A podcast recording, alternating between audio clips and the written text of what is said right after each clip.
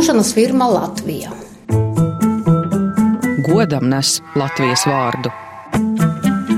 1959. gada rudenī uzsāka darbu jaunā korpusā speciāli fabrikas vajadzībām būvētā ēkā Rīgā Zilupas ielā.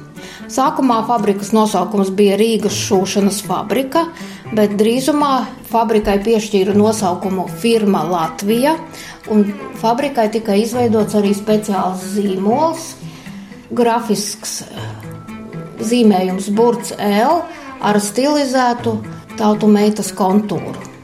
Šādu zīmolu šī fabrika saglabāja visu savu darbības laiku.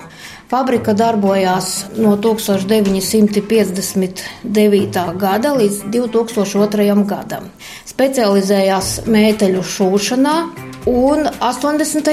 gados, kad Fabrikai tika pievienoti citi šūšanas uzņēmumi, tādi kā, kuru nosaukums bija Spārtaks, 21. jūlijas, Rīgas apģērbs, Daugopils apģērbs, Krāslavas apģērbs. Tika izveidota ražošanas apvienība, kur arī saglabāja nosaukumu Latvija un saglabāja arī zīmolu.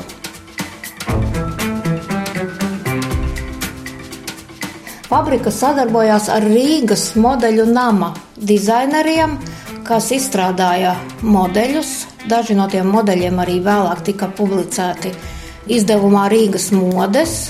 Tomēr produkcija bija diezgan vienveidīga. Jo pildot plānu, bija galvenais sasniegt pietiekamu daudzumu, lai šo plānu izpildītu. Katrā maisaimniecībā bija, lai gan tā bija arī prece, ko sūtīja arī uz citām brālīgajām republikām. Bērniem bija vienādi metālīši, atšķīrās varbūt apaklītes krāsa.